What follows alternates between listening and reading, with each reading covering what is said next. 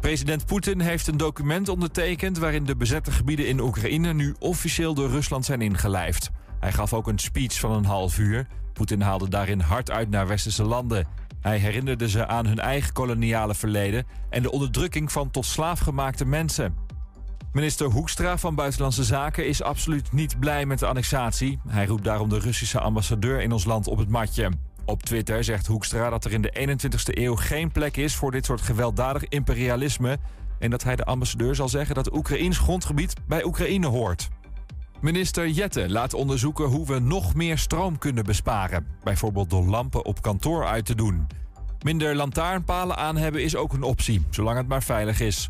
Jette wil ook een extra heffing invoeren voor energieleveranciers die nog altijd stoken met olie, gas of kolen. En dan nog het weer van Weer Online. Het is nog droog, zo'n 17 graden en op veel plaatsen zonnig. Maar vanavond trekt er vanuit het westen een regengebied over en het kan dan ook flink waaien, vooral aan de kust. Dit weekend krijgen we wisselvallig weer. En tot zover het ANP-nieuws. Is jouw auto toe aan een onderhoudsbeurt of een APK-keuring? Maak dan nu een afspraak bij Gebroeders van der Mei in Enschede. Of het nou gaat om APK-keuringen, reparaties, bandenopslag of totaalonderhoud... Gebroeders van der Mei leveren vakmanschap, passie en echte service. Je vindt ons aan de Lonnekerbrugstraat 80 in Enschede. Thema beveiliging staat voor betrokkenheid, adequate optreden en betrouwbaarheid. Waar de concurrent stopt, gaat thema beveiliging net een stap verder. Thema beveiliging levert alle vormen van beveiliging voor zowel de zakelijke als de particuliere markt. Thema beveiliging, de beveiligingsorganisatie van het Oosten. Telefoon 053 4800 560 of stuur uw e-mail naar info@themabeveiliging.nl. Ook ik rij op autobanden van Gebroeders van der Mei. Vind ons aan de Lonnekerbrugstraat 80 in Enschede.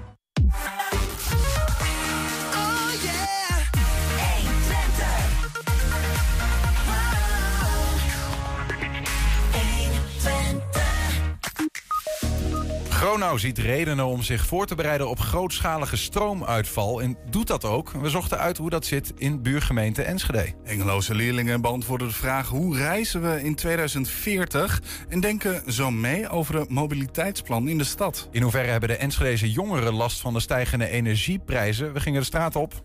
Hier leerlingen van Enschedeze basisschool Willem van Oranje leren alles over het hergebruiken, repareren en recyclen van elektronisch afval in de e-waste race Twente. De Hengeloze Amateurvereniging van Fotografie bestaat 100 jaar en viert dat met een jubileumexpositie. En FC Twente staat morgen thuis tegenover Vitesse. We blikken vooruit met hoofdtrainer Ron Jans. Het is vrijdag 30 september en dit is 1 Twente vandaag. 1 Twente. 1 Twente vandaag. RSV Renata stopt ermee. De Hengeloze Gymnastiekvereniging zag het aantal leden de afgelopen jaren dalen tot onder de 100 en had steeds meer moeite met het vinden van trainers. Het goede nieuws is dat alle leden en veel trainers en andere vrijwilligers onderdak vinden bij collega-vereniging HGV. Dat daarmee eh, tot boven de 800 leden groeit. Bij ons is uh, de voorzitter of oud-voorzitter van Renata. Ik weet nog steeds voorzitter. Nog steeds voorzitter. Caroline Lado, welkom. Dankjewel. Um, even voluit jullie naam, de recreatieve sportvereniging Renata. Ja. Uh, op jullie website zeg je Renata is verhuisd. Ja. En niet Renata is gestopt. Nee, nou officieel zijn we wel gestopt, maar wij vonden het heel erg belangrijk dat alle sporters gewoon kunnen blijven sporten. Dus hebben we onze sporten ondergebracht bij andere verenigingen, waarvan het grootste gedeelte bij HGV. Dus vandaar, we zijn verhuisd, maar niet gestopt. Ja, ja, ja zo voelt het ook wel. Ja. ja. Lijkt me toch gek, want jullie, jullie um, hebben natuurlijk, een soort, neem ik aan, een soort van altijd een gezonde concurrentie gehad met elkaar. Er is nog één andere club ja. Uh, in Hengelo. Uh, maar nu ga je toch samen. Ja, dat, is, daar, is daar een bepaald gevoel van hmm, hmm, verlies nemen? Nou, het gevoel is vooral dat we aan de ene kant heel erg jammer vinden dat Renata stopt. Mm -hmm. Want 65 jaar is niet niks. En dus, er sporten nu nog steeds dames bij ons die echt al 50 tot misschien wel 60 jaar aan het sporten zijn. Dus aan die kant is het een verlies. En aan de andere kant zijn we vooral op zoek geweest naar een vereniging die qua visie en qua uh, sport heel erg bij ons past. En een beetje gelijk erin staat. En voelen we dat niet zozeer als concurrentie, maar vinden we het belangrijk dat kinderen met name en ook volwassenen in Hengelo kunnen kiezen. En dat ze ergens kunnen sporten in de buurt voor een laag bedrag. Ja. Nou, dat maakt dat het niet zo'n verlies is uiteindelijk. Nee, nee. maar goed, ja, ze, ze kunnen nu niet meer kiezen tussen jullie of... eh Nee. eh, hè, dit is gewoon, dit is wat het is. Maar nog wel uit eh, de verschillende sporthallen en de verschillende sporten die we doen. Dus eigenlijk heeft HGV heeft, gewoon heel veel geluk dat ze ons erbij hebben. Ja. En die hebben er sport bij. Ja, daar ko- komen we zo nog eh, ver- verder op. En misschien voordat we even gaan vooruitblikken naar wat die nieuwe vereniging, of nou ja, hè, zoals die er straks uit gaat zien, allemaal inhoudt. Even toch terugblikken. Renata, 65 jaar. Ja. Eh, dat is de hele tijd. Misschien te beginnen bij die, die naam. Waar komt die eigenlijk vandaan? Dat is een hele goede vraag. Wij hebben eh, in het bestuur heel vaak daarover gefantaseerd waar wij denken dat die naam vandaan komt. Nou, recreatieve sportvereniging, dat zegt op zich genoeg. Dat gaat er vooral om plezier hebben en recreatief met elkaar sporten. Ja. Ehm, maar Renata is voor ons dat een beetje een, ehm, een- Dat weten we niet zo goed. Misschien dat er een van de dames die heel lang bij ons sporten dat al wel eh, kan vertellen. Maar wij hebben altijd zo'n soort fantasie dat het een ehm, mevrouw was die heel goed was in gymnastiek. Waar haar eh, naam, nou, haar naam was Renata en daar zijn we naar vernoemd. Maar we hebben geen idee of dat zo is. Nee, ook niet, je weet niet wie het, wie het heeft opgericht überhaupt ook. Nee. Nee. Nee. Hoe lang zit je zelf eh, bij de club? Ehm, nou, ik heb een dochter die turnt al eh, heel lang bij de club. En ik ben zelf daarvoor als vrijwilliger actief geweest. En nu sinds drie jaar ongeveer bestuur. Ja, ja, oké. Maar best wel een hele tijd om, om in ieder geval iets van hoogtepunten te schetsen. Wat, wat, eh, wat zou je zeggen als je terugkijkt naar die clubgeschiedenis? Ehm, nou, de club stond er heel erg onbekend. En dat is ook zo om vooral het gezellige en het verenigingsleven wat er heel erg bij speelde. Dus de, eh, de kampen die georganiseerd werden, de eh, uitjes. We, deden altijd, we hebben een mudrun georganiseerd. We hebben ehm, eh, de activiteiten met Pasen voor kleine kinderen. Maar ook de dames van de seniorengym gingen samen dingen doen. Die dingen zijn wel echt, eh, die maken de vereniging echt bijzonder en leuk. Ja. Waar komt het van? Ja, is als in, waar komt het vandaan dat, jullie die, dat die vereniging ooit ontstaan is? Weet je dat überhaupt? Ehm, nou, in die zin weet ik wel dat het vooral heel erg hoog in het vaandel stond. Dat het recreatief, laagdrempelig moet zijn, dat het voor iedereen is. Ja. En dat het niet sport is op eh, prestatie, jij bent wel of jij bent niet goed genoeg. Maar dat het erom moet gaan dat iedereen kan sporten en iedereen mee mag doen. Nou ja, de, de, ja ik wil ze niet, nou ja, dat moet ik niet zo zeggen. Ik wou zeggen weverspraktijken. Maar in ieder geval de, het, het absolute topniveau, zeg maar. eh, en mensen en waar alles voor moet wijken. eh, dat is niet per se wat bij jullie aan de hand Nee, is. absoluut niet. Nee, dat is, en als je goed bent en je wil verder, dan is dat prima. Dan gaan we je daar zoveel mogelijk mee helpen.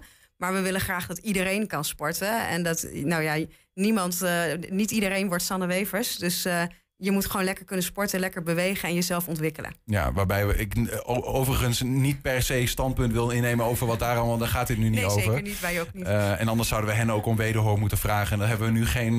dat gaan we nu helemaal niet doen. Ehm, dus laten we het vooral bij jullie, bij jullie houden. Ehm, jullie hebben naast wat je zegt over die mooie dingen die je al die tijd eh, hebt gedaan met elkaar. Hè, bijvoorbeeld die kampen die nu ook niet meer konden. Ja. Ehm, hebben jullie een club gehad met ooit zelfs 500 eh, man? D- daar was op een zeker moment niet zoveel meer van over. Nee. Hoe kan dat eigenlijk? Ja, dat is best een goede vraag. Ik denk aan de ene kant eh, is er een maatschappelijk probleem.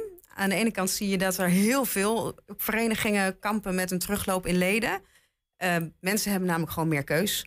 Kinderen gaan niet meer alleen maar naar de sportclub of naar de, naar de voetbalclub. Maar kinderen willen ook eh, de andere dingen doen. Eh, boksen, kickboksen. Er komt van alles nog wat uit de lucht gestampt. Waar je ook uit kan kiezen. Dus dat is de ene kant. En aan de andere kant zit er ook in Hengelo. Hengelo is wat dat betreft niet zo groot. Zaten er best veel verenigingen. Dus dan ga je ook een beetje uit elkaars vijver vissen. Dus ja, goed, dan wordt het wat minder. Ja, Hengelo is eigenlijk te klein voor drie Nou, turnverenigingen. misschien wel. Ja. Ja. Wanneer was het moment dat jullie dachten... ehm, misschien is het beter om naar de concurrent over te stappen? Nou, vanaf het begin dat ik, dat ik begon als voorzitter, hadden we al een bepaalde opdracht mee. Want de leden liepen terug, financiën was een zorg, eh, leiding krijgen was een zorg. Dus er was al wel een opdracht van ga eens kijken hoe het verder kan in de toekomst. Wij zijn daarin begonnen met eh, heel erg vol overgave. We gaan ervoor, we gaan zorgen dat deze vereniging eh, top blijft draaien. Nou, dat is in zekere zin financieel gezien gelukt. En het ledenaantal bleef redelijk stabiel. Dus wat dat betreft ook gelukt.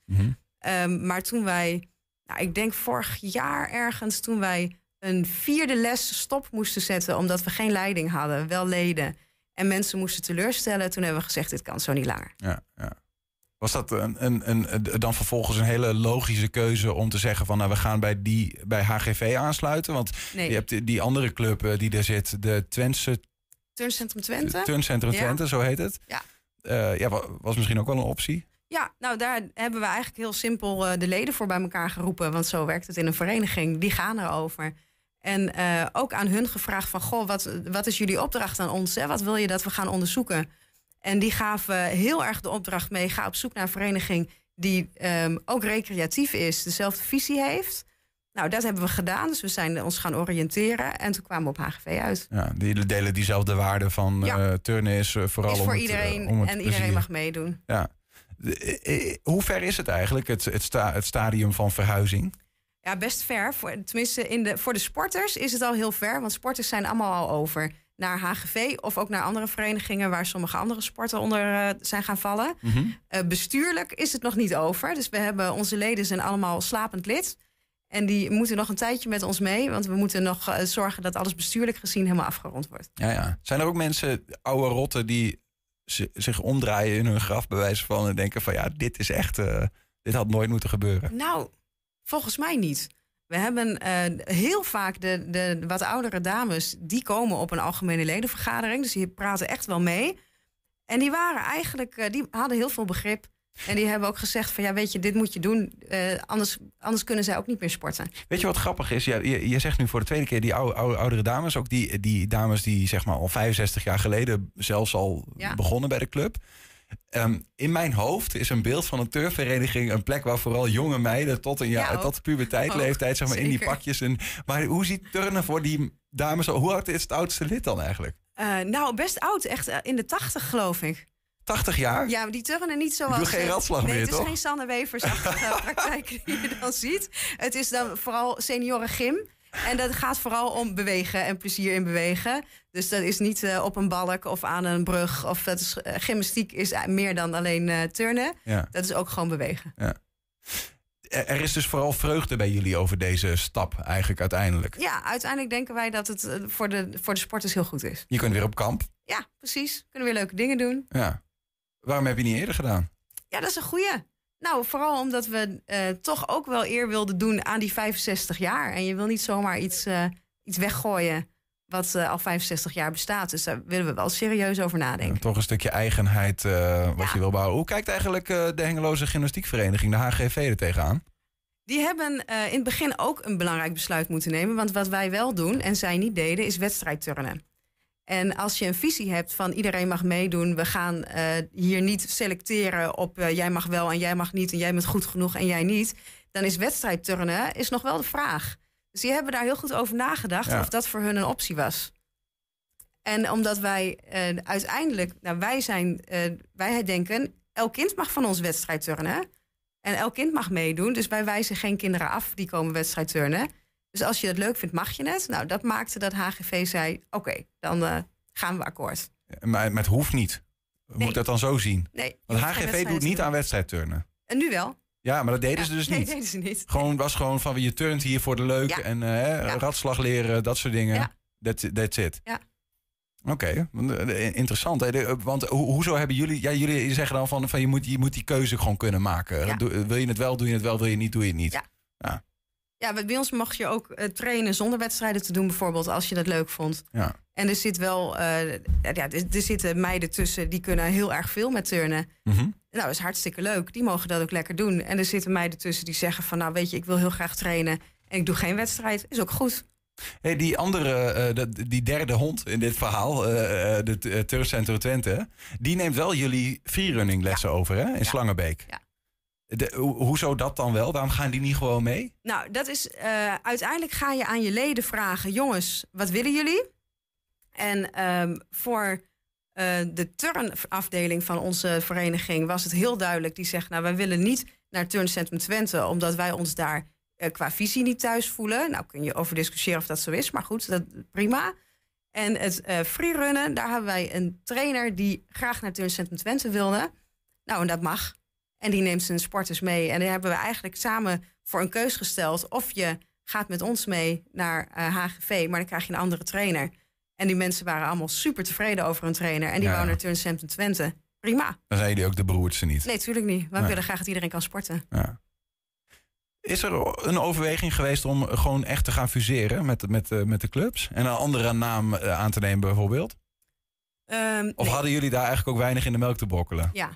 Kijk, eh, wij willen dat kinderen, dus kinderen en volwassenen kunnen sporten. En ehm, uiteindelijk ehm, is het, als je gaat fuseren, dan wil je zelf ook een soort 50-50 in, de in inspraak enzovoort. Nou, dat, dat is ook bestuurlijk gezien gewoon heel veel werk en heel veel gedoe. Ja. Dus hebben we daar misschien ook wel de makkelijke weg gekozen en gezegd, weet je, wij stoppen. En je kan ergens anders gaan sporten. Nu zit het er, eh, ik hoor wel zeg maar zo van, ehm, praktisch is het wel een beetje eh, gaande, maar organisatorisch, bestuurlijk, administratief eh, moet er nog wel wat gebeuren. Ja. Is er nog een soort van, ja, absoluut eindpunt waarop jullie zeggen, ja, nu is het, dat je een soort van eindfeest of iets dergelijks hebt? Nou, we, willen, we gaan dit seizoen uittrekken om alles af te ronden. En daar moet natuurlijk een heel groot eindfeest gegeven worden. Want dat ga je niet zomaar weggooien. Dus dat gaan we in dit seizoen doen. En dan is ons streven om aan het eind van dit seizoen echt helemaal klaar te zijn. En zo'n eindfeest bij een turnvereniging, hoe ziet dat eruit? Normaal heb je, Ja, is- huur je de turners in om het op te leuken. Ja, en het is ook niet zoals bij de voetbal met heel veel bier en gedoe. Het is vooral eh, een feest voor kinderen overdag die lekker iets leuks kunnen doen. En waar we een leuke activiteit aan koppelen. En s'avonds eh een receptie waar we ook alle mensen uit die 65 jaar die willen komen ook gaan uitnodigen. Die Ja, ook, eh, er mee zijn er nogal wat, denk ik. Dat zijn er denk ik heel veel, ja. Ja, nou, mooi feest gewenst en ook een hele fijne overgang eh, om samen HGV eh, te gaan vormen Ja, met elkaar. Caroline Lado, dankjewel. Dankjewel.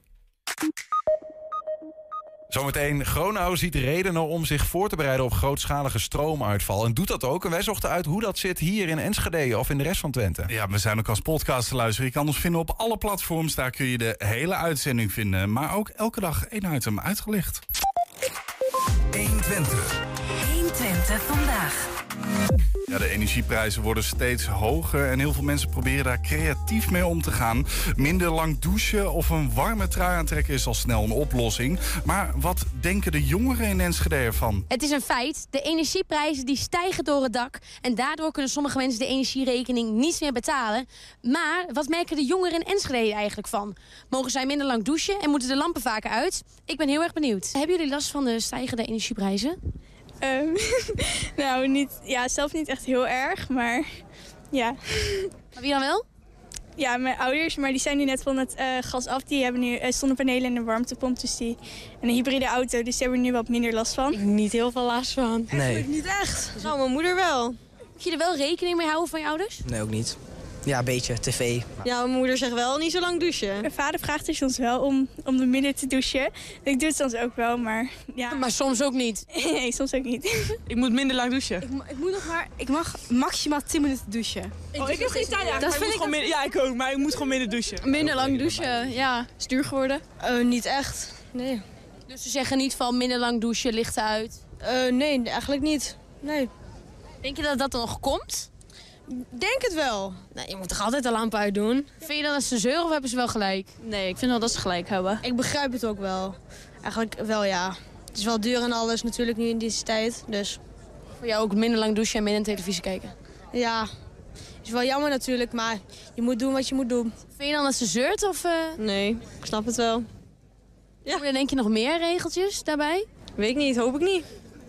Of anders? Ja, dat vind ik niet leuk. Word je zagrijnig? Ja, een beetje wel, denk ik. Nou, eh, chaos, maar ik merk, eh, jullie eh, mogen minder lang douchen en je moet er de lamp uit doen. Ik doe nog steeds een uur. Ja, ik ook. Maar, maar, Maar eigenlijk heb je er gewoon scheid aan. ja, ik betaal toch niet. Oh, oké, dus je betaalt niet? wij hebben vrij wil. Hoe lang douche jij, Niels? Eh, ik, eigenlijk, ik heb zo'n zo'n eh, zo'n knopje in mijn appartement. weet je dan gaat de, de afzuigkap aan en dat duurt precies 10 minuten. En ehm, meestal ben ik echt precies dat ik de douche onder, onder de douche wegloop als dat ding stopt met eh, afzuigen. Dus het is ongeveer 10 minuten. Je hoort jezelf gelukkig, maar Ja. maakt ook niet Maar ben je even goed nieuws Oh. voor deze jongeren? Want eh, ik begreep ook wel dat eh, iets minder douchen... dat dat niet heel veel scheelt in de, de, de kosten, zeg maar. Dus je, het, het, zit, het zit hem vooral echt in je, hoe je met je verwarming omgaat, bijvoorbeeld. 120. 120 vandaag. Een paar kilometer over de grens in het stadhuis van Gronau is een eh, crisisteam belegd. Haar taak inwoners voorbereiden op een blackout, ofwel een grootschalige stroomuitval. Het deed bij onze collega Wilco Lauwers de vraag reizen. Hoe voorbereid is Enschede of Twente eigenlijk op zo'n eh, stroomuitval? En is dat ook nodig überhaupt? Wilco, welkom. Ja, goedemiddag weer. Ehm, bijzonder onderwerp. Hoe kom je daar zo bij? Ja, dat speelt al, dat speelt al langer. Hè. Een jaar geleden, als je zou hebben gezegd van dat een, eh, een blackout, eh, hè, dus een grootschalige stroomuitval. We hebben het hier niet over een stroomstoring van een uurtje of twee uurtjes. ehm, dat is echt wel max tegenwoordig. Hè. Vaak is het snel opgelost. Nee, een blackout, dat duurt wel minstens eh, toch wel 24 uur. En vaak, of vaak, het gebeurt niet zo heel vaak, maar als dat gebeurt, dan duurt het ook wel langer dan dat. Kan het dagen, misschien wel weken in totaal aanhouden. Ja, hoe kom je daarbij? Ja, een jaar geleden zou je eh, voor gek worden verklaard als je zou zeggen dat dit eh, zou kunnen gebeuren. Hè? Ehm, maar eh, er wordt al langer voor gewaarschuwd. Het stroomnetwerk in, in Europa is nou, ja goed, we moeten ook niet overdrijven. Maar het is wel eens wat minder complex geweest dan op dit moment. Oké, dus er zijn groeiend aantal redenen is er waardoor zo'n stroomuitval zou kunnen gebeuren. Ja, absoluut. En dan breekt de pleuris uit. Dat is, de, de, de- is, de, is dat ongeveer de verwachting? Ehm, ja, als het gebeurt, ja, je moet je voorstellen dan eh, eh, om een tijdspad eh, te nemen. eh, eh, eh, je, kunt, je kunt niks meer, hè? de liften staan stil, eh, ehm, hè, de lampen doen het niet, de televisie doet het niet. Nou, dat zijn luxe problemen zou je zeggen, maar ehm, op een gegeven moment kun je, je kunt niet pinnen natuurlijk. Hè? Ehm, dus je moet, zou met cash geld moeten betalen als het lang duurt. Eh, telefoons houden de, eh, of telefoonmasten houden er na, na een uur of twee mee op. Enzovoort, enzovoort. Dus Ja. het is allemaal... eh, eigenlijk, je, je zult versteld staan hoe afhankelijk we zijn van stroom. Want zelfs gas en water zullen op een gegeven moment niet meer doen. De wc's doorspoelen wordt, eh, de, eh, wordt eh, ook op een gegeven moment onmogelijk. Even, even terug naar dan de, de, de redenen waarom. Want blijkbaar zien ze in Duitsland reden om hier heel, heel concreet een crisisteam voor op te zetten. Ja, je, je noemt net wel de complexiteit van het stroomnetwerk groeit. Wat bedoel je daar nou precies mee? Wat zijn dan redenen waardoor dit zou kunnen gaan gebeuren? Nou, vroeger was het energienetwerk was analoog. Hè? Tegenwoordig is het allemaal digitaal. En digitaal is in die zin, zou je kunnen zeggen, ook wat kwetsbaarder. Hè? Daar kan wat misgaan in de technologie. Dat zien we ook wel in de computer gebeuren. Ehm, het is instabieler geworden, het stroomnetwerk. Dat heeft ook te maken met, nou, vooral in Duitsland zie je dat heel veel, de energiewende. Hè? Dus eh, er moet eh, meer eh, duurzame energie moeten komen. Dat, dat zullen een heleboel mensen zeggen, dat is toch hartstikke goed. Ja, maar die windturbines en zonnepanelen, die, die kun je wel allemaal, daar kun je wel van afhankelijk zijn. Maar dat- sluit niet altijd aan met de vraag. Vraag en aanbod. Hè? Dus als het hard waait en en de zon schijnt, dan zul je heel veel aanbod hebben. Dat is vaak over, overdag eh, dat beide voorkomen. En dan zijn mensen aan het werk. S'avonds komen mensen thuis, gaan ze televisie kijken enzovoorts. Gaan ze een elektrische auto opladen. Dan schijnt de zon niet. En als de wind dan ook niet waait, zul je toch ergens eh, stroom vandaan moeten halen. Hè? Dus dan heb je kolencentrales nodig, elekt- eh, kerncentrales. En Duitsland is dat aan het afbouwen en veel meer afhankelijker geworden van, eh, van, van het andere, hè? Ja. Van, de, van de duurzame energie. Nou, buiten dat, het hele elektriciteitsnetwerk in Europa is aan elkaar gekoppeld. Ehm, sinds kort ook Oekraïne. Hè? Daar hebben we ook, eh, ik heb daar een, een, een, bericht ook van. Oekraïne wordt aan het Europees stroomnet gekoppeld. Heeft te maken met de situatie natuurlijk in Oekraïne. Ehm, dat is een oude, staat er ook, het stamt uit de Sovjetperiode, niet het beste netwerk. En eh, wetenschappers en deskundigen waarschuwen ook. Hackers kunnen daar bijvoorbeeld een, nou, in twee kerncentrales eh, platleggen. En dan zul je denken, nou, dat heeft toch weinig effect. Maar dat kan Ja. Potentieel, omdat het helemaal aan het hele Europese stroomnetwerk is aan elkaar gekoppeld, kan hier ook tot problemen leiden. Ja, want het is digitaal wat je zegt. Ja. Dus het is hackbaar, om het zo maar te zeggen. Ja. Eh, ik begrijp nog niet helemaal wat dan die e- energiewende waar je het over had... eh, te maken heeft met, met uitval van, eh, van stroom. Hè? Dus de, de, de, de, eigenlijk de transitie naar meer duurzame energie. Ja. Op, op welke manier precies? Als, als de vraag hoog is en het aanbod is laag, dan vraag je dus veel meer stroom dan, dan je kunt krijgen. Ja, Hè, en- zo simpel en- is het eigenlijk. Zo simpel is het. We, moeten onze auto's elektrisch aanvoeren. onze, weet dat ik is een wat. mogelijkheid. En, en nu wordt er natuurlijk in zo'n. eh, dat is dan het voordeel van zo'n Europese markt. Er uit, eh, uit eh, andere landen wordt er ook, ook elektriciteit gehaald. Maar dat is juist waarom de Duitsland onlangs een, een stresstest heeft gedaan. Meerdere overigens. De laatste stresstest van het energiesysteem is van begin september. En die heb ik gelezen. Ehm, we zien hier, eh, zo zit- dus het, eh, hij bestaat echt. Ik heb hem eh, gelezen, dit is van 5 september. En daarin worden toch echt wel aanbevelingen gedaan. Ehm, ik moet wel nuanceren, er staat, het is niet, de kans op een blackout is niet groot. Maar Duitsland maakt wel plannen en zegt... we adviseren toch wel dat communen, hè, plaatsen, gemeenten, kruisen... Uh, um, zich gaan bezighouden met een plan... wat te doen Ja. bij een blackout. En Ja. dat heeft, een van de redenen daarvan is dat Frankrijk... heel boel kerncentrales op dit moment heeft stilstaan voor groot onderhoud. Het is maar de vraag of die voor deze winter terugkomen. Duitsland is voor een belangrijk deel afhankelijk van die, uh, van die stroom uit Frankrijk. Oftewel, het, het aanbod van, van elektriciteit wordt gewoon minder. Ja. En dus de vraag wordt groter. Ja. En dat zou een blackout kunnen veroorzaken. Dat zou tot ongeregeldheden in zo'n stroomnetwerk uh, kunnen, ja. uh, kunnen zorgen. En, Ja. Maar dus- de, want dan begrijp ik uh, dat, dat dus uh, buurgemeente van Enschede Gronau is heel concreet ook hiermee bezig. Die hebben een crisisteam opgezet. Wat doet die dan precies? Ja, nou, de, de, de burgemeester Reiner Doetkotte heeft, uh, van, van Gronau... die heeft onlangs in de Westfälische Nachrichten heeft, heeft hij daarover over gesproken. heeft ook letterlijk het woord blackout genoemd. Dat dat, hij wil mensen niet bang maken, zegt hij... maar we moeten wel um, rekening houden dat het zou kunnen gebeuren. Um, dus een crisisteam, wat gaat hij doen? Die, die, die maakt een plan met nood infopunt. Uh, uh, heel vrij vertaald naar het Nederlands. Hè. Um, dus uh, op het moment dat zo'n crisis intreedt... dan worden er op verschillende plekken in Gronau... uit mijn hoofd even vier, maar kunnen er ook zes zijn... worden, wordt een locatie geopend waar dan nou ja, de politie zal er zijn... en de brandweer en weet ik veel. Daar kunnen mensen terecht met hun vragen. En er wordt natuurlijk van tevoren ook aan die mensen gecommuniceerd. Je krijgt binnenkort een flyer in de bus... In de Duitse gemeente Rozenberg uh, is het al gebeurd. Waarin mensen ook wordt, wordt gewezen op van zorg ervoor dat je 72 uur zelfvoorzienend bent. Zorg dat je voedsel hebt, zorg dat je water hebt. Zorg dat je ja. een, een radiobatterijen hebt. Uh, zodat uh, dat je nog de noodzender kunt bereiken na een paar uur. Er wordt echt serieus werk van gemaakt. En warmte houden. Dus ook wordt rekening gehouden met als er een gastekort is. Uh, uh, wärmeruimen heet het dan in het Duits. Uh, daar zijn ze in, in, in, nou, al langer wel mee bezig. Gewoon. Dat heeft ook met het gastekort mogelijk te maken. Nou ja, deze ja, week extra dat je, meer actueel, dat je mensen op één ruimte kunt verzamelen waar ja. het nog warm genoeg is. Ja, precies. Ja. Het is echt een absolute crisissituatie hè, waar we het nu over hebben. Ja.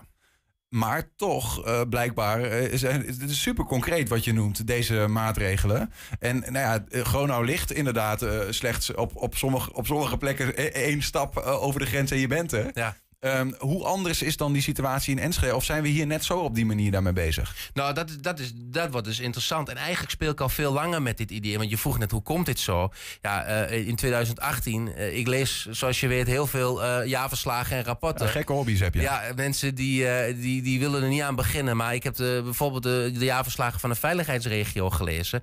En daar vond ik een keer in dat, dat het elektriciteitsnoodplan van een grote stroomuitval... dat het niet up-to-date is. Sterker nog, dat dateert uit 2009. Uh, maar toen stond er, we zijn bezig met een update. Nou, prima. Dus ik denk, nou, dan zou ik dat vanzelf wel een keertje voorbij zien komen. Maar volgens mij was het vorig jaar dat ik in een verslag uh, uh, nog... er werd er geen, helemaal geen melding meer van gemaakt. Dat ik dacht van, nou, dat is wel vreemd. Ja. Want er zou toch een keer nu in ieder geval een melding moeten zijn dat dat plan er is. Want 2009, ja, dat is al natuurlijk eens 13 jaar geleden. Maar ik kan me voorstellen dat, dat wat daarin staat op zich nog steeds bruikbaar is. Of zou je zeggen, je moet het vers houden? Dat zal in, in, in grove lijnen zo zijn. Maar eh, er is natuurlijk wel veel veranderd sinds 2009. Daar hebben we het over die digitalisering van het stroomnet.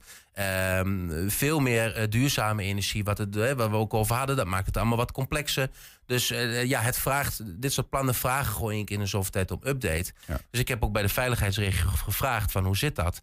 Ja, nee, daar zijn ze niet aan toegekomen door corona en, en de Oekraïne-crisis. Nou, ik zou denken, de Oekraïne-crisis is juist de reden om met voorrang zo'n plan te maken.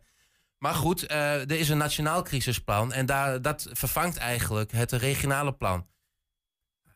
Dat nationale plan heb ik ook gelezen. Ja, ik ben druk aan het lezen geweest. En daar wordt weer naar de veiligheidsregio gewezen van... de eerste 72 uur zijn jullie eigenlijk degene die de crisiscommunicatie moet verzorgen... en Ah, eh, zelfvoorzienend kastje- moet zijn. Klassiek kastje-muur situatie. Ja, ja. ja, en de gemeente zegt ook op antwoord eh, van Forum voor Democratie... heeft hier vragen over gesteld onlangs. Zegt de gemeente ook, ja, wij kijken, ja, wij zien hier niet een rol voor ons weggelegd... dat wij een noodplan maken. Dus eigenlijk eh, is de conclusie dat eh, Enschede slash Twente eh, niet is voorbereid op een dergelijke situatie. Niet up-to-date is voorbereid op een grote stroomuitval. Ja, ja, ja dat, zou je, dat zou je kunnen zeggen. Dat ben ik, maar dat, dat zou ook weer heel ongenuanceerd zijn. Hè. De, de veiligheidsregio geeft aan. We hebben ehm, oefeningen. Onlangs is in Hellendoorn nog een oefening geweest. Nou, we hebben een incidentenbestrijdingskaart. Hè. Ik heb hem eh, eh, gekregen. Dat is een soort checklist voor de crisismanager. eh, wat moet er allemaal gebeuren? Nou, daar staat bijvoorbeeld met communicatie dat er bijvoorbeeld geluidswagens ingezet kunnen worden en Twitter enzovoort enzovoort. Nou ja, daar heb je na een paar uur ook niks meer aan, omdat de, de websites uit de lucht liggen. Maar goed, ehm, de vraag is alleen, weet de burger dit wel? Ja, nou ja, precies. Want jij zegt net, in Duitsland wordt heel duidelijk... die, Ja. die inwoner wordt gezegd... zorg dat je Ja. drie dagen eigenlijk rantsoen hebt. Ja. Dat, je er, dat je ermee vooruit kunt. Ja, precies, precies. Eh, dus ik, ik, ik, heb, eh, ik wil niet zeggen, ik heb niet direct wantrouwen dat, dat, dat de hulpdiensten weten wat ze moeten doen en de crisismanagers. Ehm, maar wat weet, weten de inwoners wel waar ze aan toe zijn? Weet jij waar je aan toe bent als er ineens een storm? Ben je er überhaupt op voorbereid? Ik heb, geen, ik heb, echt, ik heb hier nog nooit over nagedacht. Ja, ja. Eh, ik denk dan altijd, ik zie het wel. Maar ik weet niet of dat de laks is. Ja, ja, het kan zijn dat de hulp uit onverwachte hoek komt natuurlijk. Maar eh, je bent wel een beetje aan jezelf overgeleverd, Ja. ben ik bang. Ja, maar de kans is hier dus wel net zo groot als in Duitsland? Of zijn daar ook andere factoren die meespelen... waardoor dat daar eh, groter is? Eh, nou, de kans, kijk, de kans is sowieso, als je heel feitelijk bekijkt, niet groot. Maar goed, dat dachten ze voor een paar jaar geleden in, eh, in Argentinië en Uruguay ook. Daar is nooit zo'n grote uitval geweest. En ineens was er geen stroom. En ik weet niet precies hoe lang het heeft geduurd, maar dat duurde wel langer dan een dag. Volgens mij twee of drie dagen. Nou, eh, omdat je moet dat hele systeem opnieuw opstarten. En dat gaat echt lang duren als dit gebeurt. En het is nog niet zo lang geleden, begin 2021, dat Europa aan zo'n blackout is ontsnapt omdat een, een, een stroomstation in, nou ja, en Ernesto nog iets, ja, eh, een of ander dorpje in, eh, in Kroatië. Daar eh, vloog een, eh, een, een stroomstation eh, door. En dat heeft tot, tot instabiliteit in, in het hele netwerk van Europa geleid. Zelfs op datzelfde moment, of vlak daarna, vloog, eh, eh, moest het, het ziekenhuis in Maastricht op, op een noodaggregaat. Oké. Het is nooit direct aangetoond dat het daardoor kwam. Maar in heel Europa vielen wel ehm, dingen uit. En in, in Franse industriegebieden zijn zelfs tijdelijk van het netwerk afgekoppeld om niet voor overbelasting te zorgen. Nou, ja, dank in ieder geval voor het, voor het flaggen dan, eh, Wilco. En eh, ik ga er zo eh, verder over nadenken. Ik ga jouw Ja. stuk lezen. Je hebt iets geschreven, dat staat op 120.nl. Dat, voor, als, voor mensen die het nog eens rustig willen nalezen en nog wat uitgebreider. Ja, conclusie is eigenlijk, misschien moeten inwoners wel voorbereid worden, in ieder geval op zo'n situatie. Ja, en dank in ieder geval om, dat, dat jij dat dan bij deze maar hebt aangezwengeld. En ik ga er eens over nadenken wat ik dan allemaal moet doen in zo'n situatie. En vooral wat ik nu misschien allemaal zou moeten doen. Wilco Lauwers, dankjewel. Zometeen leerlingen van het Enschedeze basisschool Willem van Oranje leren alles over het hergebruiken, repareren en recyclen van elektronisch afval in de e-waste race Twente. 120. 120 vandaag. Ja, de jeugd heeft de toekomst. Met die gedachte vroeg de gemeente Hengelo de leerlingen van 3 VWO van het Bataafse Lyceum om hulp bij het opstellen van nieuw mobili- mobiliteitsplan. De leerlingen zijn de afgelopen weken bezig geweest met de vraag hoe reizen we in 2040. Gisteren hadden ze, hadden ze de kans gekregen om hun toekomstplannen te presenteren aan wethouder Hanneke Steen. En zo hun steentje bij te dragen aan het mobiliteitsplan dat nu in de maak is.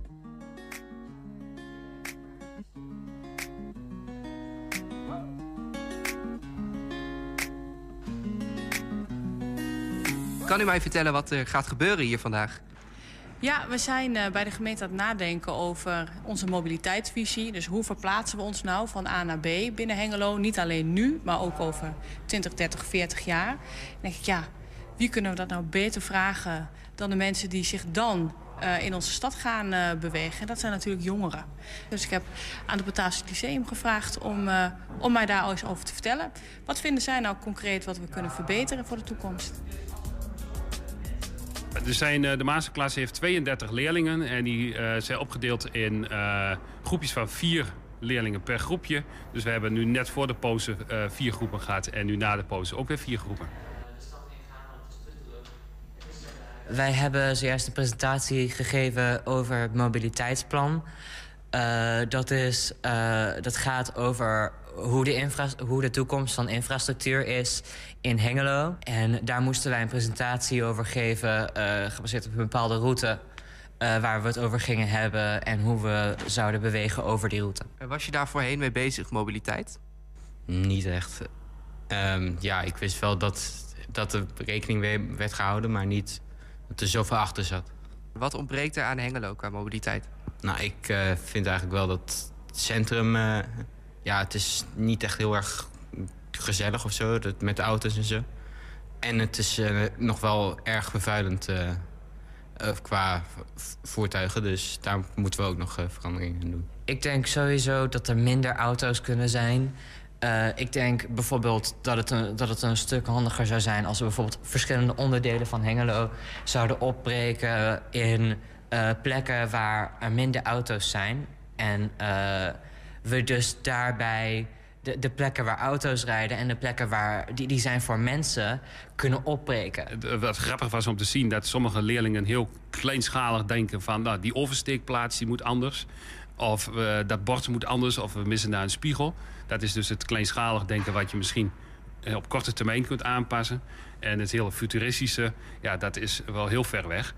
De kunst is nu eigenlijk, en dat is wat we vragen van de leerlingen... hoe komen we van dat we van nu naar het hele futuristische gaan... hoe komen we daar? Nou, eh, ik eh, hoorde net iets over een eh, loopband tussen Enschede en Hengelo. Dat vind ik...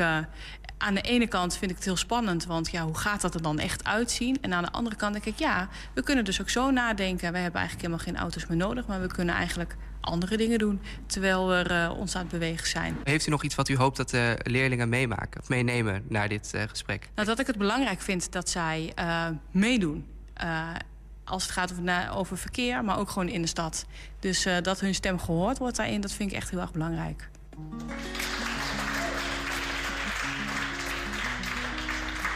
Een loopband tussen Enschede en Hengelo. Ik weet- Dat lijkt me best grappig. De Hengeloze amateurfotograaf... De Hengeloze Amateurfotografievereniging bestaat 100 jaar en viert dat met een jubileumexpositie. Straks praten we erover met voorzitter Jan van Asveld. 120. 120 vandaag. Doe ik deze. Leerlingen van Enschede basisschool Willem van Oranje doen mee met een bijzondere wedstrijd. De e-waste race Twente. Van 19 september tot 13 oktober gaan ze de strijd aan met acht andere scholen in de regio. Ze verzamelen zoveel mogelijk oude en kapotte elektronische apparaten. En in samenwerking met Twente Milieu laten ze die apparaten repareren voor hergebruik. De winnaar gaat op schoolreis met de hele klas. Dus fanatiek zijn de leerlingen in ieder geval.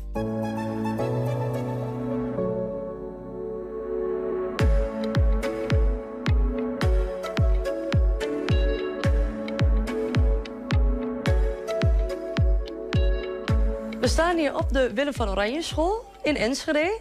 En jullie doen mee aan de e-waste race van Twente.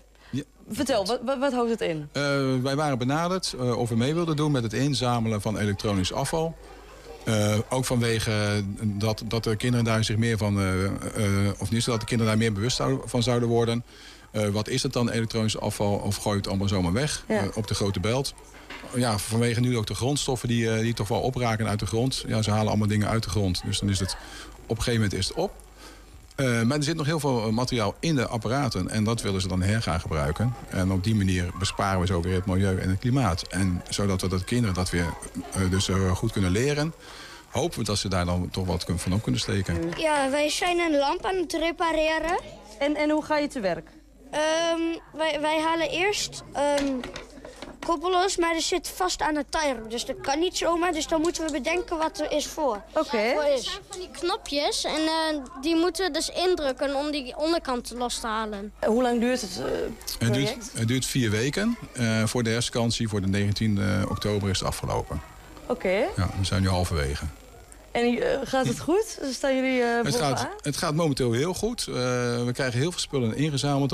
Ook door, doordat ouders ook dingen delen met elkaar. Waardoor er eigenlijk grote bekendheid komt. En we krijgen heel veel spullen binnen. Dus dat gaat inderdaad goed, ja. En buiten staan containers. Daar kan, kunnen de apparaten ingedaan worden, zeg maar. Hoe, hoe werkt dat precies? Wij, wij mogen dan de apparaten erin leggen. We moeten wel voorzichtig doen, want anders gaat het allemaal breken. En het glas zit natuurlijk ook in. En dan wordt elke donderdag, eh, dan komt Twente Milieu weer... en die haalt de volle containers op. En we krijgen weer nieuwe containers weer geplaatst. En wat wordt er gedaan met, eh, met de apparaten? Eh, dat wordt verzameld bij Twente Milieu op een speciale afdeling... en dat gaat naar de recycleafdeling. En zij repareren het voor eventueel hergebruik. Ze gaan het uit elkaar halen, of tenminste, dat, daar zal weer een speciale... Dus er is waarschijnlijk een speciaal bedrijf voor zijn. Wat zijn jullie momenteel aan het, aan het repareren? Ik weet niet wat het is, maar ik denk... Wat denk oud, je? Ik denk een oud spelcomputer. Oh, de spelcomputer? En wat denk jij? Ja, dat denk ik ook. En hebben jullie al veel eh, meegenomen naar school? Eh, ik nog niks, maar ik ben nog een beetje aan het kijken, want ik ga binnenkort naar mijn oom toe en die is eh, radio-dj. Oh, Oh, Dus die heeft nog best wel wat liggen wat ik mee kan nemen als het goed is. Een printer en nog andere dingen heb ik hier allemaal in de auto gestopt en hiermee naartoe genomen. Eh, ja, ik heb flink wat kabels, drie toetsenborden en ook nog telefoons en zo. En had je dat thuis liggen of vroeg je aan familie of aan, aan buren? Nou, eh, familie gevro- eh, v- eh, gevraagd, ehm, aan buren. Ik vroeg het aan eh, vrienden van ons en ik vroeg het aan iemand van mijn moeders werk. En ik heb gehoord dat jullie eh, op schoolreisje gaan. Als jullie winnen. Wat vinden jullie daarvan? Vind je dat leuk? Ja? Ik vind het wel goed. Want dan hebben we één dagje minder school.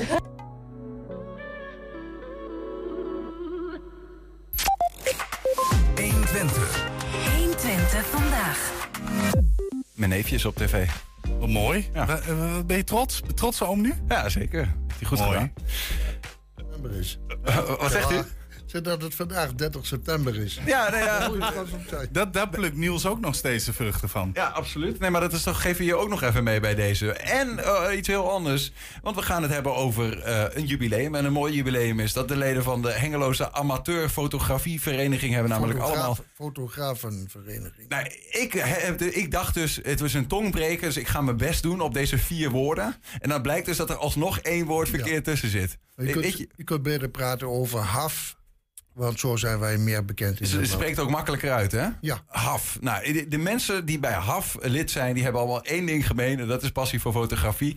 Dit jaar bestaat de club 100 jaar. En dat eh, vieren is met een grote expositie in de open lucht. En we gaan daarover praten en over die club met voorzitter Jan van Asveld. Welkom. Ja, dank u. En gefeliciteerd. Ja, ja, eigenlijk moet de voorzitter de meeste felicitaties in ontvangst nemen. Hè. Dat, eh, Ja. Het is alweer een eh, tijd geleden dat we het officiële jubileum hadden. En corona heeft daar mooi allemaal een streep erin gegooid. Dus we zijn iets naar achteren geschoven. En Maar hoezo dan? Want in 1922 zijn jullie begonnen. Als in is de club begonnen. Ik neem aan dat je er nog niet bij was. Maar Ehm, dat is- nee, nog net niet. Nee, nee, precies. Nee, maar goed, dus, maar hoe konden jullie dan eerder al... Jullie hadden eerder al een jubileumfeest gepland. Nee, nee, nee. In eh, maart was de officiële datum van het jubileum. Mhm. En eh, toen hebben we dat intern gevierd. En toen kon dat nog niet, eh, corona-wise. En door corona konden we dus niet echt zo bij elkaar komen als dat we wilden. Ja, ja, oké. Dat was helemaal. Daarna hebben we een planning gemaakt voor de rest van het jaar. Ja. Hoe we de activiteiten gaan aanpakken. Voordat we naar die eh, jubileum-expositie gaan, misschien leuk om even te kijken op wat 100 jaar terug is. Een hele lange tijd, 1922. Ehm, toen had ook zeker nog niet iedereen een camera zoals dat nu eh, bijna is. Ehm, hoe zag de wereld eruit en hoe ontstond die club van jullie? Ja. Nou, die club die is ontstaan omdat een aantal hoge heren, zeg ik altijd, van destijds de fabrieken van Stork en Hazemeijer en de Heermaf, die vonden dat ze gezamenlijk wel iets leuk met fotografie verder konden doen. En hebben daarvoor in dat jaar een club opgericht. Toen konden alleen maar rijke mensen, die konden de camera's betalen en die, konden, die hadden verstand van het ontwikkelen. Ja. Want ontwikkelen, ja, dat, eh, daar heb ik zelfs geen verstand meer van. Nee, nee, nee precies. Nee, dat, en dat gaat allemaal natuurlijk heel anders. En va- de meeste dingen gaan zelfs digitaal, denk ik, ook binnen jullie club. Op het moment is dus, eh, bijna alles digitaal. Ja. En eh, als bijzonderheid zijn er enkelen die graag nog op de ouderwetse manier foto's willen ontwikkelen. Ja. Eh, toch even terug ook weer naar, naar, naar dat begin. Want het is wel, wel leuk om even dat eh, te schetsen. Dus het waren vooral de hoge heren van nou ja, de elite binnen Hengelo. Ja. die, die daaraan deden. Vrouwen niet?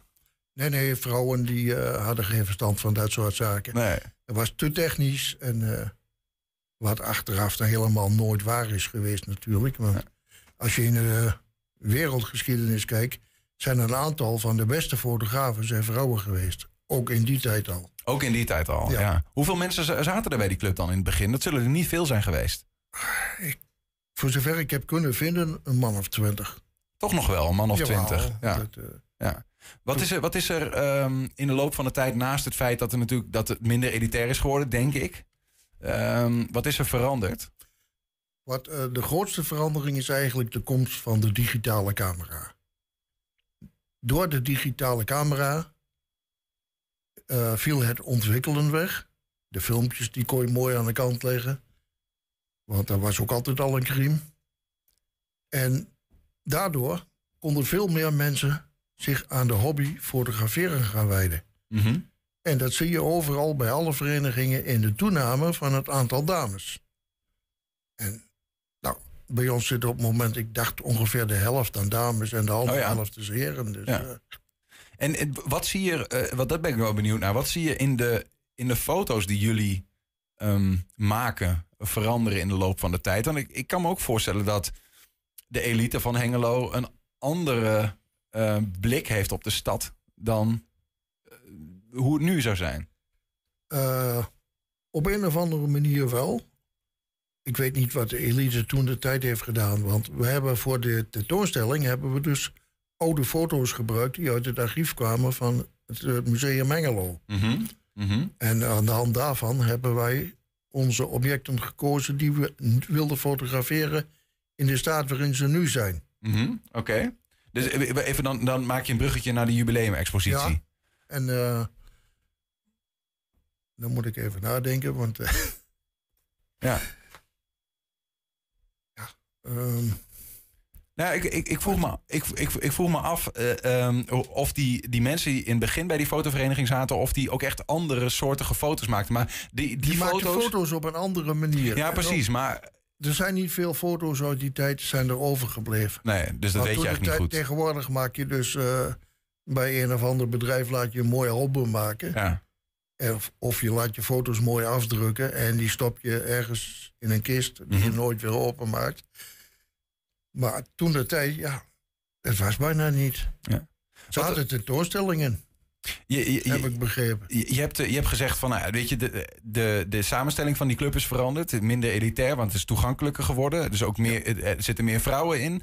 Eh, de techniek waarmee je fotografeert is veranderd, want het is veel digitaler eh, geworden. Er zijn nog wel een aantal die dat ook... de uitvoering is digitaal geworden. Ja. Maar de techniek, dus het bepalen van de afstand en het diafragma enzovoort, is eigenlijk hetzelfde gebleven. Mhm. Ja. Alleen door de digitale camera's is het wat eenvoudiger te bedienen geworden. Plus dat die digitale camera's ook vaak nog eens een autostand hebben voor degenen die het nog helemaal niet kunnen. Ja. Is dat vervelend? Vroeg, vraag ik me wel eens af. eh, hè, voor een fotograaf dat je tegenwoordig met eh, een iPhone eh, zeg maar foto's kunt maken waarvan de gemiddelde mens denkt, nou, ziet er goed uit. Dat je niet meer eigenlijk helemaal de techniek van de camera hoeft te beheersen. Het zijn mensen, ook bij ons bij de verenigingen, die alleen maar met de iPhone of met eh, welke telefoon dan ook de foto's maken. Maar ja, dat is niet vloeken in de kerk of zo. Nee, waarom? Ja, nou ja, ik kan me zo voorstellen dat je denkt, ja, maar dat is niet het ambacht. Nee. Nee, nee. Het eh, belangrijkste bij ons bij de vereniging is het plezier hebben aan fotograferen. En hoe je dat doet, is je eigen inbreng. Je eigen idee. Hoe kun je het zelf het makkelijkste doen? Als dan koop je nog tien dure lenzen, wil niet zeggen dat je een betere fotograaf bent. Wie, wat maakt een goede fotograaf? Een goede fotograaf maakt een fotograaf die wil laten zien wat hij ziet. En ik heb jullie eh, mijn toespraak van morgen toegestuurd. Daar staat dus een van de startregels is... een foto vertelt meer dan duizend... eh wat stond er ook alweer? Duizend woorden? Ja. Ja. En, en dat is wat de fotografen proberen te doen. We- Hoe, hoe zien jouw eigen foto's eh, er dan uit? Op welke manier kijk jij naar de wereld? Hoe blijkt dat uit die foto's? Nou, ik, ik ben bijvoorbeeld enorm geïnteresseerd in portretfotografie. Net als vele anderen met mij. Maar ook daar heb je dus weer verschillende mensen in. Ik ben lid van Facebook en daar zie ik heel veel portretfoto's. Mhm. Maar een groot deel daarvan is gericht op seksuele aspecten. En dat vind ik dus niet nodig. Want de mooiigheid van bijvoorbeeld een vrouw zit in haar gezicht. Mannen ook. Ik heb schitterende foto's voorbij zien komen van hele oude mensen... waar de rimpels allemaal duidelijk zichtbaar waren en zo. Die zijn karakteristiek. Wat is, wat, is er, wat is er mooi aan een foto? Aan een foto boven bijvoorbeeld een video of, of misschien wel de werkelijkheid? Kun je dat proberen uit te drukken? Wat voor jou? Een foto, ja. video moet je ergens gaan zitten kijken. En foto's, die kun je gewoon tijdens de kop koffie kun je de foto's bekijken. Mhm. Wat ik, wat ik zelf doe, en dat doen velen met mij, wij maken albums. Er zijn een paar firma's in Nederland waar je albums kunt laten maken. En dan heb je een blijvende herinnering waar je af en toe een keer in kijkt. Ja. Want even een album bekijken is leuker dan de hele avond voor de televisie zitten en de ene foto naar de andere voorbij zien komen. Ja. Want dat is niet leuk meer. Dan ga je op een gegeven moment vervelen. Hey, voordat we naar jullie eh jubileumexpositie gaan en wat jullie daar precies gaan doen, toch nog even, eh, als je naar de tijd kijkt, dan eh, 100 jaar terug. Eh, toen moest er nog een Tweede Wereldoorlog overheen, bijvoorbeeld. Eh, wat zijn, wat zijn de, voor jullie de momenten geweest waarop het. eh, nou ja, is het altijd gewoon steady doorgegaan met de fotografieclub, of is het ook wel eens een stukje weggevallen? Ik moet heel eerlijk zeggen dat ik er geen idee van heb. Nee. We hebben vier grote verhuisdozen vol met informatie uit het verleden. En om die nou allemaal te gaan zitten lezen op dit Nee, moment, nee, nee. had ik geen dun. Want wij zijn in feite met zo'n jubileum ben je eh, enorm druk. Ja. Gelukkig kon ik het meeste als voorzitter kon ik het meeste afschuiven op de jubileumcommissie. Ja. Maar zo af en toe moet je jezelf ook laten zien. Ja, ja, ja. Maar eh, hoe lang zit je zelf bij? Ik zit er nou sinds eh 1911 bij. Een jaar of 12, 13. Oh, Oké, ik dacht 1911. Dat is, dat is Nee, nog. nee. ja, dat is wel heel lang. Nee, jaar maar een jaar of elf. Oké, ja. precies. Oké.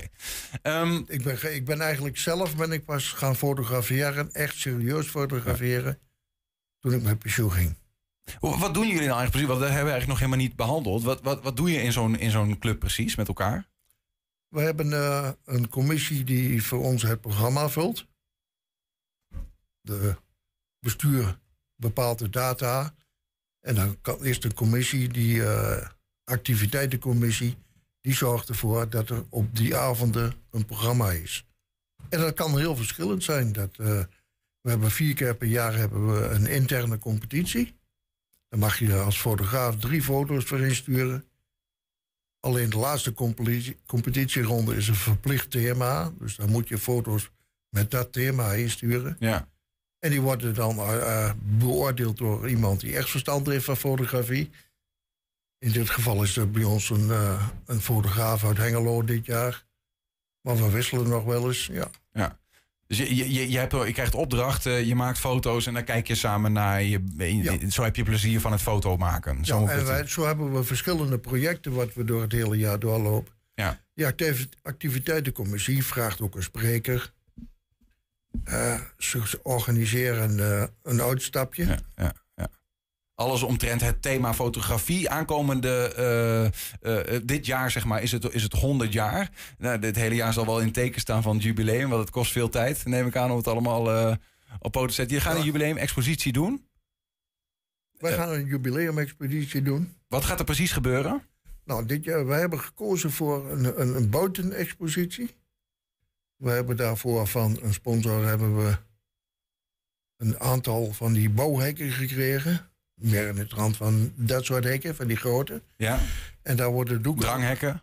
Ja, daar worden doeken opgespannen. Nee, echte bouwhekken. Bouwhekken? Ja, vrij groot. En die worden dus bekleed met een eh, zeildoek... waarop de foto's zijn afgedrukt. Wat voor foto's gaan we zien?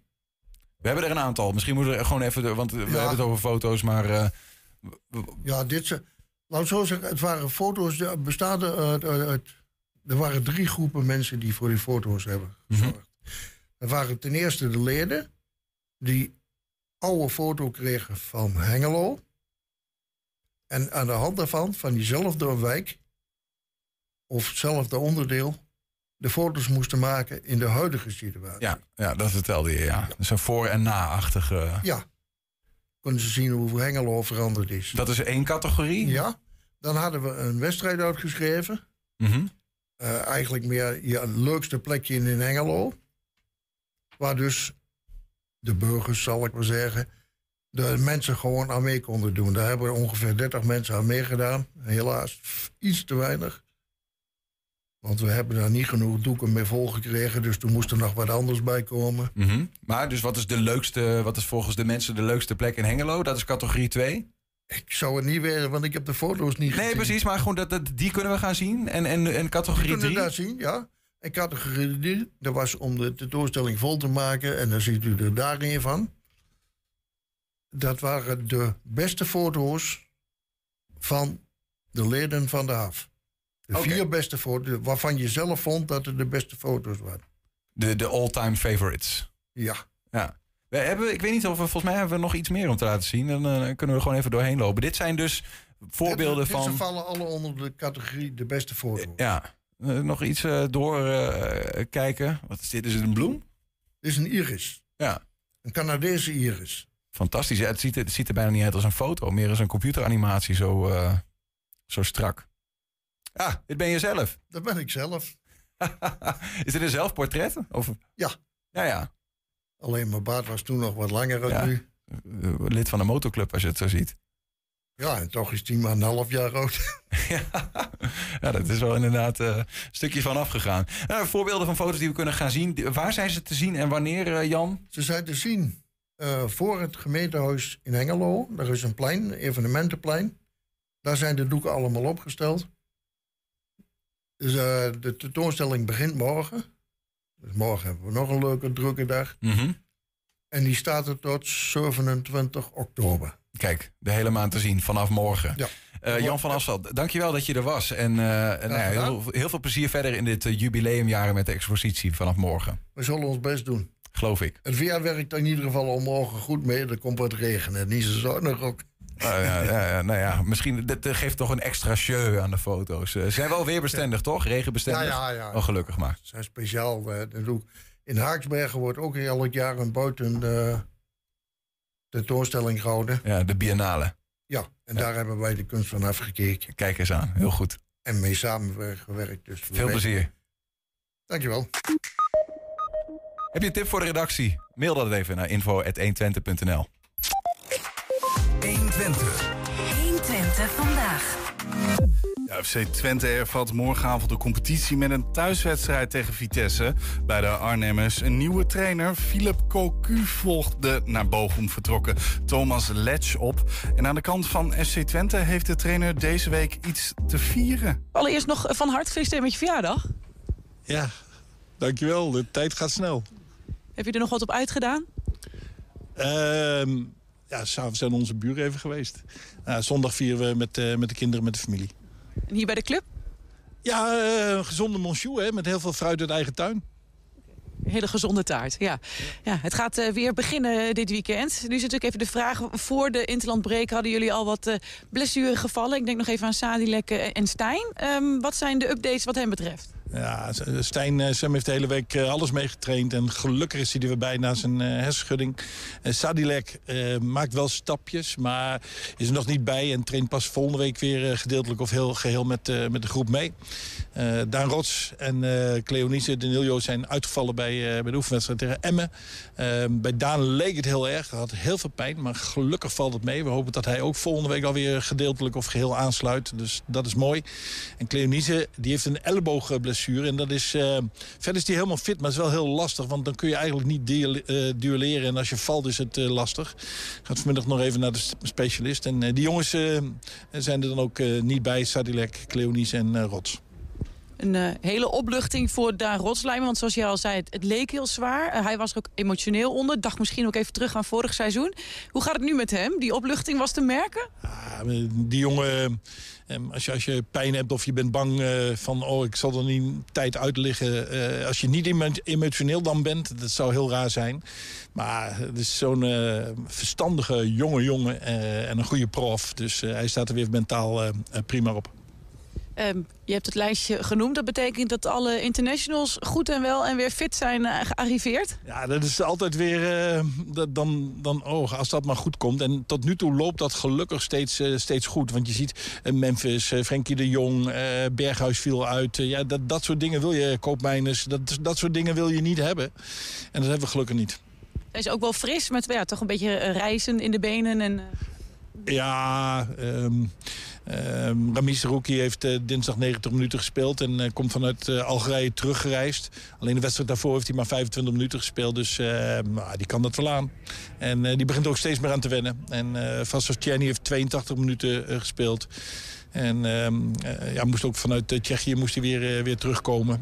maar dat, de jongens die, die, die, ja, ze laten gewoon zien van ah, lekker weer thuis en lekker weer spelen tegen Vitesse. Ja, dan zit er zo'n weekje tussen na ja, toch wel dat zuur uh, uh, in de wedstrijd tegen Herenveen. Je hoort ook wel eens dat spelers in ieder geval het vaak juist fijn vinden om direct weer uh, te mogen spelen, om dat om te kunnen draaien. hoe, ja, hoe staat dat hier bij deze jongens? Ja, maar als het programma niet meewerkt, dan heeft het helemaal geen zin om dat te willen. Want ze ja, als je wint, dan wil je ook weer doorvoetballen. Als je verliest, dan wil je het weer zo snel mogelijk herstellen. Je kijkt naar het programma en dat vind ik allemaal onzin om die gedachten te hebben, want het programma is het programma. Laten we het over de tegenstander hebben. Daar is natuurlijk wel wat gebeurd. Uh, Philippe Cocu, de nieuwe trainer. Ja, wat is een beetje jouw beeld van hem als trainer? Uh, details. Uh, goed georganiseerd. Uh, dat op elke positie elke speler ehm, duidelijkheid heeft op wat er van hem wordt gevraagd. Als je de bal hebt, als je de bal niet hebt in de omschakeling. rustig.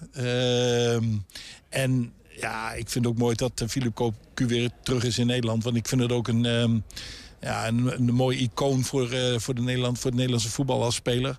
En als trainer heeft hij bij het PSV eigenlijk hartstikke goed gedaan. Daarna wat lastiger. Maar ik, ik, ik, vind het gewoon mooi als je hem weer, als je ziet hoe hij zich presenteert. Dat we gewoon weer een persoonlijkheid en een Nederlandse icoon erbij hebben in het uh, trainerschilde. En nou ja, als bijvoorbeeld die punten die je net aanhaalt, wat, wat typische Philip Cocu elementen misschien zijn. In hoeverre denk jij dat hij al de kans heeft gekregen om enigszins zijn stempel te drukken? Want het is natuurlijk een hele korte tijd nu. Ja, vanaf dinsdag. Dus dat is, uh, dat is heel kort, ja. Ik las ergens dat hij zei, ik ga nog niet te veel veranderen. Uh, ben jij daar dan ook mee bezig om dat te proberen in te schatten? Of in hoeverre ben je daarmee bezig? Ja, ik, probeer dat wel in te schatten. Uh, ik probeer altijd in het hoofd van uh, de trainer van de tegenpartij te kruipen. Van wat gaat hij doen? hoe denk je dat hij gaat spelen tegen FC Twente? Nou, hij heeft genoemd stabiliteit, een team zijn. Dus dat, dat geeft ons wel een beetje informatie. Maar we zullen op het veld pas zien met wie en, en hoe die gaat spelen. Ik wilde zeggen, als jij in zijn hoofd kruipt, waar, wat denk je dan dat hij zou doen? Uh, wetende Twente is ons tegenstander? Nou, ik denk dat hij vooral uh, wil hebben dat het verdedigend goed staat. Ja, zaterdagavond uh, thuis. Dat gaat jullie beter af dan uit? een, een statement. We hebben, we hebben nu drie thuiswedstrijden gehad en ja, dat was allemaal top. Uh, alles gewonnen. Uh, vorig jaar uit deden we het... Ik weet niet eens of we het uit beter deden zelfs qua resultaten dan thuis. Het was echt uh, abnormaal met volgens mij elf uitoverwingen. Dus ja, het moet eigenlijk niet zoveel uitmaken. Maar het is, het is wel zo dat ons niveau thuis tot nu toe beter was dan, dan uit. Dus dat is morgen een voordeel. Maar volgende week uit bij Feyenoord moeten we weer het tegenovergestelde bewijzen. Voor morgen geeft dat goede hoop, goede moed. Zeker weten. Gaan met Mark normaal. Wij gaan in ieder geval hier strikt eromheen uh, vouwen, binden, knopen, wat je ook maar wil. Wil je ons terugzien? Hè? Heb je ons nog niet vaak genoeg gezien? Wil je ons meer horen? Vanavond 8 en 10 uur op televisie en op de 120.nl staan we. Zometeen hier Julian Vriend met Vrijdag is voor je vrienden. Doei. 120. Weet wat er speelt in Twente. Met nu het nieuws van 5 uur. Goedemiddag, ik ben Daan Langkamp. Nederland steunt een nieuw sanctiepakket tegen Rusland vanwege de annexatie van de bezette Oekraïnse gebieden. Wij zullen de inlijving nooit accepteren, zei premier Rutte in zijn wekelijkse persconferentie. Minister Hoekstra keurt het ook af en gaat er binnenkort over praten met de Russische ambassadeur in Den Haag. President Zelensky heeft meteen gereageerd.